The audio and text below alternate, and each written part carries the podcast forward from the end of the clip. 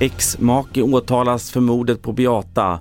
Allt sämre situation för kvinnorna i Afghanistan och apkoppor spås inte bli ny pandemi.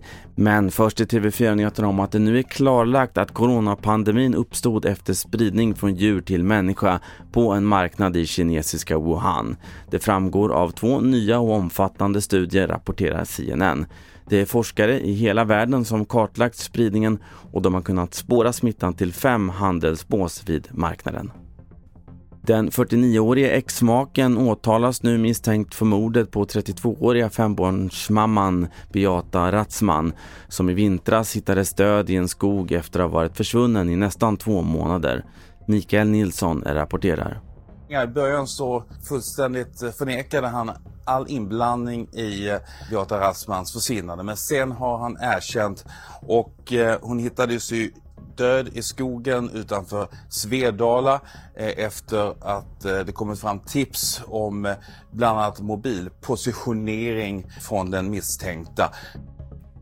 Efter att talibanerna tog kontroll över Afghanistan för nästan ett år sedan har kvinnors och flickors rättigheter försämrats på nästan alla plan.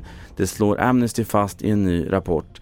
Anna Johansson är generalsekreterare på Amnesty Sverige.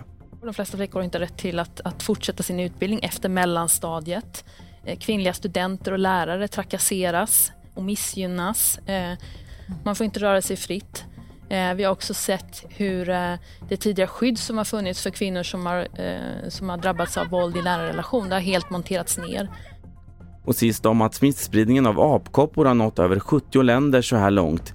Men det är inte sannolikt att det leder till en ny pandemi. Det säger Klara Sondén som är infektionsläkare på Folkhälsomyndigheten. Risken eh, bedöms vara liten att det här skulle bli någon, någon, mer omfattande infektion som drabbar större delar av befolkningen.